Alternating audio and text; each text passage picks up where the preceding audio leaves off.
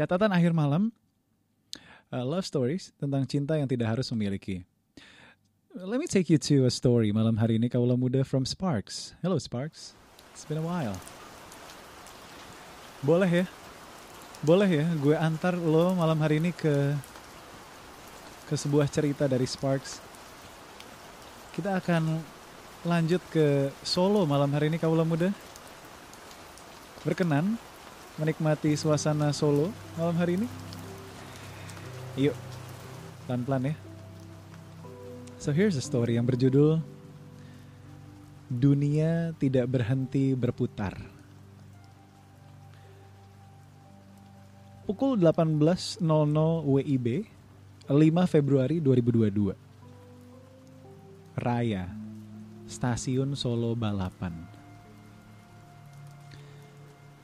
Sore itu rintik hujan menemani mereka yang ingin berkelana dari stasiun Solo Balapan. Aku yang memperhatikannya dari bangku besi tiga orang hanya bisa menyaksikan keributan dan keriuhan orang-orang yang berlalu lalang. Tepat 30 menit sebelum jadwal keberangkatan para penumpang tujuan Pasar Senen, Jakarta, sudah diminta untuk masuk ke keretanya masing-masing.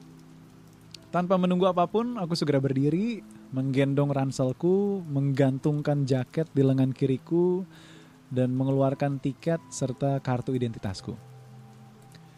Setelah melewati pengecekan tiket dan identitas, aku memasuki kawasan perlintasan bersama banyak orang dengan peron yang telah dipenuhi oleh kereta dengan berbagai tujuan. Suara rambu kereta yang mau lewat pun terdengar dari peron satu yang artinya aku harus berhenti terlebih dahulu sambil menunggu kereta itu melintas. Melihat ke kanan dan kiri, menyaksikan semua orang yang bergerak tanpa henti, mendengar rambu yang kian lama kian melengking, benar-benar membuatku tidak tahan. Aku ingin segera duduk dan memejamkan mataku sampai nanti tiba di Jakarta. Aku dapatkan bangku dua penumpang di depan pintu gerbong. Tanpa berlama-lama aku naikkan tasku ke tempat penyimpanan barang di atas kereta dan duduk sambil memasang headset lalu mengarahkan pandangan keluar jendela.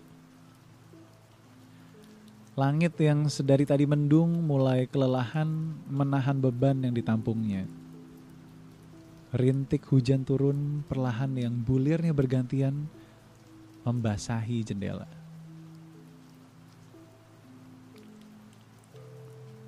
Makasih ya udah jauh datang-datang. Udah jauh-jauh datang.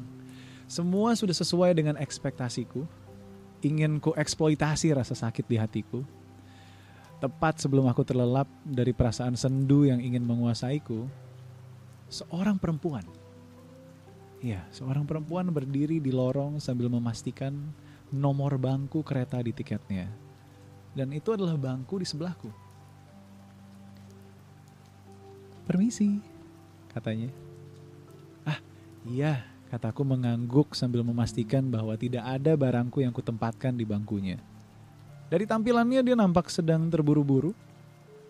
Membawa satu ransel penuh, satu tas kecil di depannya, jaket denim yang menurutku adalah pilihan yang buruk karena tidak begitu baik dalam menghadapi dinginnya malam di kereta. Celana jeans dan sepatu Vans berwarna hitam dengan rambutnya yang diikat ke belakang. Tasnya terlihat berat. Mau saya bantu? Kataku menawarkan bantuan. Ah, boleh. Maaf ngerepotin. Aku terima ransel hitamnya dan ternyata memang berat. Dia kemudian melepas jaketnya yang nampak agak basah lalu membenamkan di muka serta rambutnya untuk mengelap semua air yang menempel di kepalanya, seperti sedang handukan. Aku lihat AC yang ada di atas pintu gerbong yang anginnya menuju lorong. Aku mempunyai firasat dia akan sangat kedinginan dengan kombinasi kehujanan ini. Kak, maaf. Mau tukeran tempat duduk sama saya? Tawarku. Kali ini aku bisa menatap matanya dengan jelas. Namun untuk beberapa detik dia seperti begitu kosong. Ah, boleh mas, jawabnya. Silakan, silakan. Aku langsung berdiri dan mempersilahkannya untuk duduk di dekat jendela. Terima kasih mas, katanya tersenyum dan mendekatkan duduknya ke jendela. Aku pun segera duduk di tempat duduknya barusan. Dan benar saja, angin AC-nya sangat terasa ketika duduk di posisi ini. Sekalipun aku memiliki agenda sedih yang harus dirayakan, tapi tetap saja aku aku tidak bisa membiarkan kedinginan selama perjalanan. Beberapa saat kemudian, kereta kami memulai perjalanannya. Aku juga ikut melihat pemandangan jendela. Rasanya seperti menonton TV. Aku yang terdiam menatap layar jendela dan jendela menunjukkan dunia. Perlahan tapi pasti kita semua dalam kereta ini melewati semuanya. Stasiun berubah menjadi kota, kota berubah menjadi desa. Begitu tenang. Begitu tenang hingga menghanyutkan pikiranku menuju kantuk yang tak tertahankan. Tepat sebelum aku memejamkan mata, aku melihat air mata perempuan di sebelahku mengalir deras melewati pipinya dan seketika membuatku terjaga. Aku mengedipkan mata berulang kali untuk memastikan kebenaran dari apa yang kulihat. Dan benar dia menangis. Begitu deras sekalipun matanya tak berkedip. Dia kemudian terbebas dari lamunannya dan segera merogoh kocek tas kecilnya dan kemudian mata kita bertemu kembali. Aku ketahuan memperhatikannya menangis. Maaf. Katanya sambil memalingkan wajahnya ke jendela kembali. Kali ini tangannya berusaha untuk menghentikan laju dari air matanya yang masih mengalir deras. Eh, sorry. Saya saya nggak sengaja ngeli ngelihat. Uh, maaf. Aku kehilangan kata-kataku. Aku merasa bersalah karena mengganggu ruang privasinya. Eh, it's okay it's okay. Dia berusaha kuat tapi dia tidak tampak berkuasa menahan keadaan dirinya. Aku mengambil tisu paseo kecil yang kubeli dari seorang anak kecil di depan stasiun tadi. Uh, mbak, ini saya ada tisu. Lagi-lagi kata-kataku tercekat. Ah, ayah saya meninggal mas. Di detik itu, kantukku menguap entah ke mana.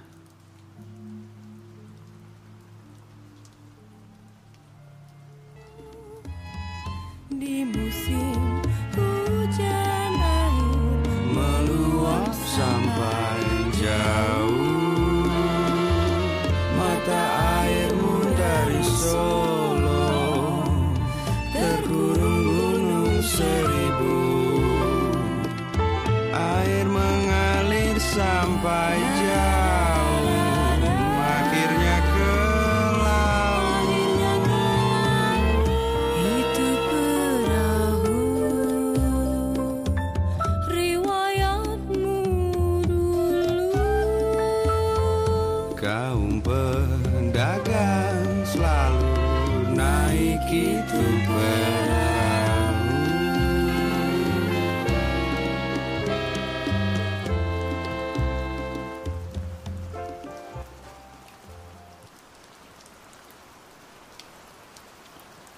Aku tidak mengejarnya dengan pertanyaan atau kata-kata yang terdengar menenangkan.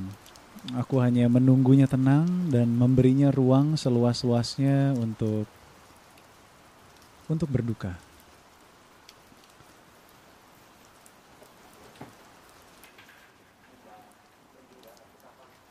Lima menit berlalu, dirinya kini duduk menghadap depan kembali.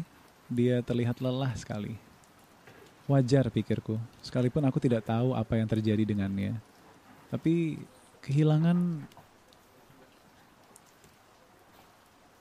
kehilangan seorang ayah pasti sangat menyakitkan untuk dilewati. Aku bahkan tidak bisa membayangkan betapa beratnya hal itu. Makasih ya mas, nanti tisunya saya ganti pas udah sampai Jakarta. Katanya sambil tersenyum dengan mata yang sembab dan hidungnya yang merah. Eh, nggak usah kok, nggak apa-apa. Saya juga tadi iseng aja belinya, kataku berkata dengan jujur. Eh nggak bisa gitu mas, pokoknya saya gantian nanti, katanya terdengar serius. Ah, Oke okay, kalau gitu, kataku yang merasa sepertinya tidak bisa menolak ya dalam kondisi ini. Maaf ya, saya sampai nangis dan ngeganggu masnya, katanya sambil menunduk dan memain-mainkan tisu yang telah digunakannya. Eh nggak apa-apa kok kak, saya saya malah seneng kalau bisa bantu orang lain. Kalau kakak mau berbagi perasaan yang lain, yang lagi kakak rasain, saya ngerasa seneng bisa bantu ngurangin beban kakak. Kataku yang entah kenapa menjadi banyak bicara. Lagi pula katanya cerita itu kan bikin kita lega loh kak. Sampai titik ini aku merasa menjadi orang aneh. Dia kemudian tertawa. Tawa pertamanya setelah kita pertama kali bertemu di kereta ini. Gimana ya? Katanya terdengar ragu. Tapi kalau misalnya mbaknya ragu nggak usah mbak. Takutnya terlalu privacy buat mbak. Tapi yang paling penting adalah saya turut berduka cita ya mbak. Kataku segera mengklarifikasi. Matanya kini melirik ke arah mataku kembali, lalu dipalingkannya kembali ke tisu yang masih dia mainkan sambil tersenyum dia bilang, Makasih mas. Aku yang tidak tahu harus berkata, apalagi menjadi merasa salah tingkah. Suasana yang cukup canggung dan menjadikanku gusar. Untuk mengulur waktu, aku mau mengambil napas dulu di antara dua gerbong.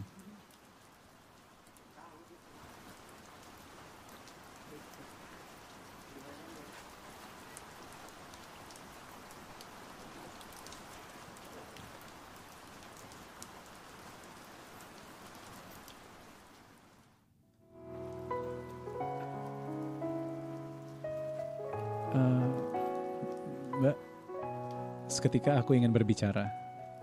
Dia mulai berbicara. Saya saya dekat banget sama ayah saya. Dan saat itu juga aku mengurungkan niatku untuk pergi dari tempat dudukku. Aku siap mendengarkannya sampai selesai. Ayah saya meninggal pas tidur sehabis suhur nggak ada pesan, nggak ada isyarat, dan nggak ada yang tahu. Tiba-tiba ayah udah nggak ada. Air matanya kembali bergerumun di pelupuk matanya. Kenapa ya? Kenapa saya bisa nggak ada di sampingnya di saat-saat terakhirnya ya? Katanya tertawa lirih. Tapi dia memberitahuku pun rasa sakit itu sudah tergambar jelas dari wajahnya.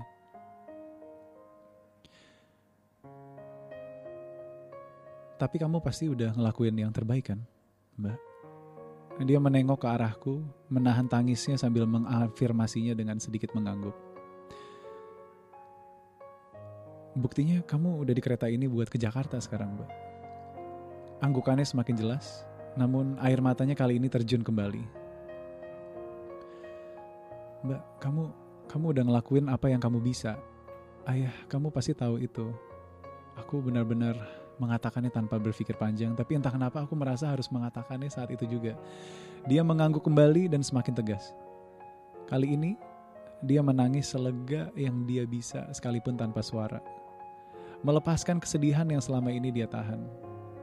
Ingin rasanya aku menenangkannya, namun aku bukan siapa-siapa. Tetap menunggunya tenang dan memberinya ruangan seluas-luasnya adalah dukungan terbaik yang bisa aku berikan saat ini. Setelah menyudahi tangisannya yang berakhir, dia nampak sudah lelah sekali. Aku lihat jam tanganku dan waktu sudah menunjukkan pukul 7 malam. Dia terlihat begitu mengantuk, namun matanya masih menahan untuk terbuka sambil menerawang ke jendela kereta.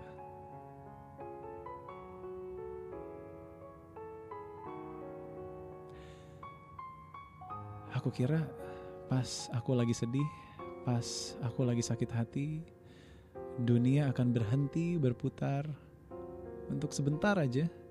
Kasih aku waktu untuk memproses semua hal yang udah terjadi. Tapi ternyata aku salah. Dunia nggak peduli sama kita saat kita sedih. Kita dipaksa untuk tetap berjalan dengan waktu sebagai jaminannya.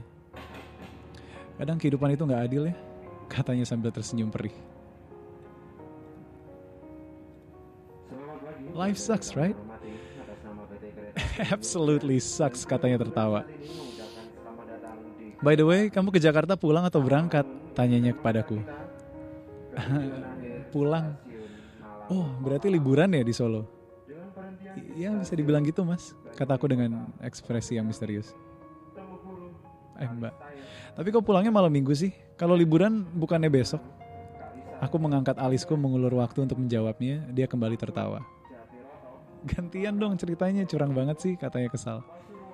Iya, iya, tapi janji ya nggak ketawa. Kataku berusaha meyakinkan diriku sendiri untuk cerita. Dia menjulurkan kelingking kanannya kepadaku. Janji? Aku jemput kelingkingnya dan kita sepakat untuk tidak menertawakan kisahku. Aku mengambil sedikit waktu untuk mencari pembukaan yang aku harap tepat, tapi aku tidak menemukannya. Jadi, aku siang ini datang ke nikahannya mantan aku. Do you? Kata mbaknya mulai sedikit tertawa. Tuh kan, tadi katanya janji gak ketawa, kataku menggodanya. Ih, apa sih siapa yang ketawa? Oke, ini aku serius. Terus terus. Ha, eh, nggak ada tapi-tapinya. Just uh, good for her. Good buat mantan aku. I must be happy for her, right? Kataku mencari afirmasi darinya. Well, pastinya sakit kan? Well it is, kataku jujur. Terus kenapa kamu bela-belain datang dari Jakarta ke Solo kalau kamu tahu itu akan sakit? Aku sudah memutar pertanyaan ini ribuan kali di kepalaku dan aku tidak menduga akan ada seseorang dari dunia nyata yang bertanya tentang hal ini kepadaku. Well, aku benar-benar blank, tapi ini adalah jawaban pasti. Mantanku, she is the most important person that changed my life. At least, I just want to say a proper goodbye to the person that I love the most. Entah kenapa akhirnya aku mengatakannya, hal yang mungkin tidak pernah bisa aku katakan ketika aku sendirian. Dan kali ini ada yang mau mendengarkanku ketika aku sangat membutuhkannya. Dia tersenyum dan bilang, Mas, you are a really good man ya. Oh, enggak lah. I'm just trying to be a better man than yesterday. Rasanya menyenangkan bisa berbagi hal yang sulit untuk diungkapkan kepada seseorang. Apalagi orang itu baru aja kita temui. Tapi entah kenapa rasanya seperti terkoneksi. Mengalir dan lega sekali. Well, uh, the world really didn't stop right now, kataku terkekeh. Teringat apa katanya barusan. Dia tertawa puas dan membalasnya. ya mas, it it really sucks. But yes, the world didn't stop for good. Kemudian kata hatiku berkata, well, maybe. Just maybe.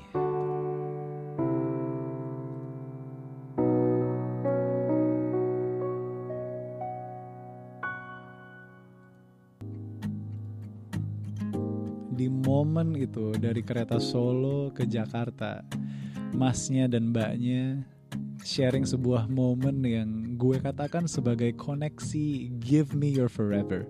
Abis itu mas dan mbaknya gue yakin berlanjut ke kehidupan mereka masing-masing.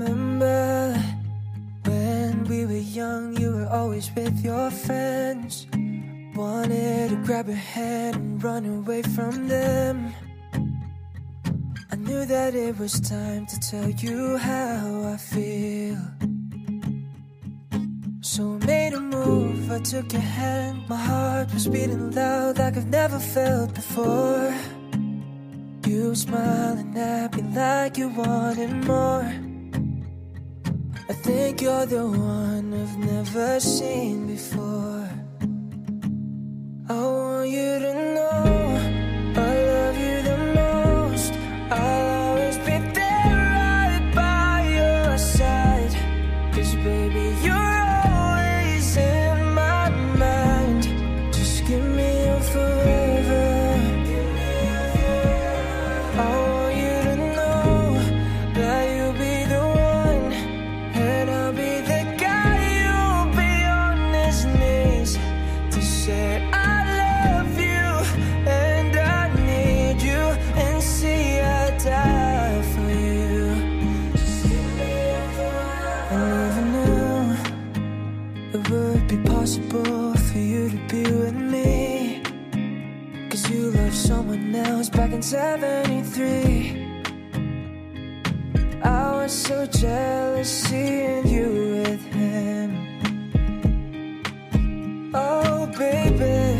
I know that I can treat you better back in those nights.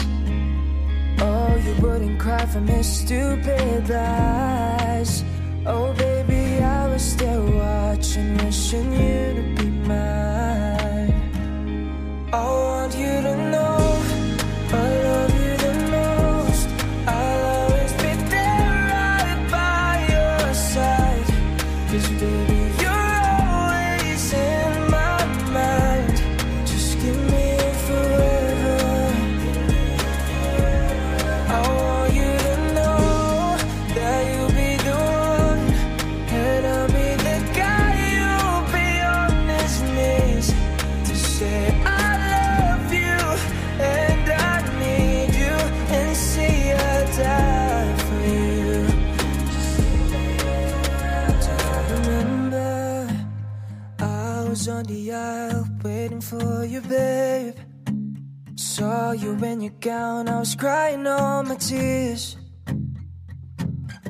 myself that you are the.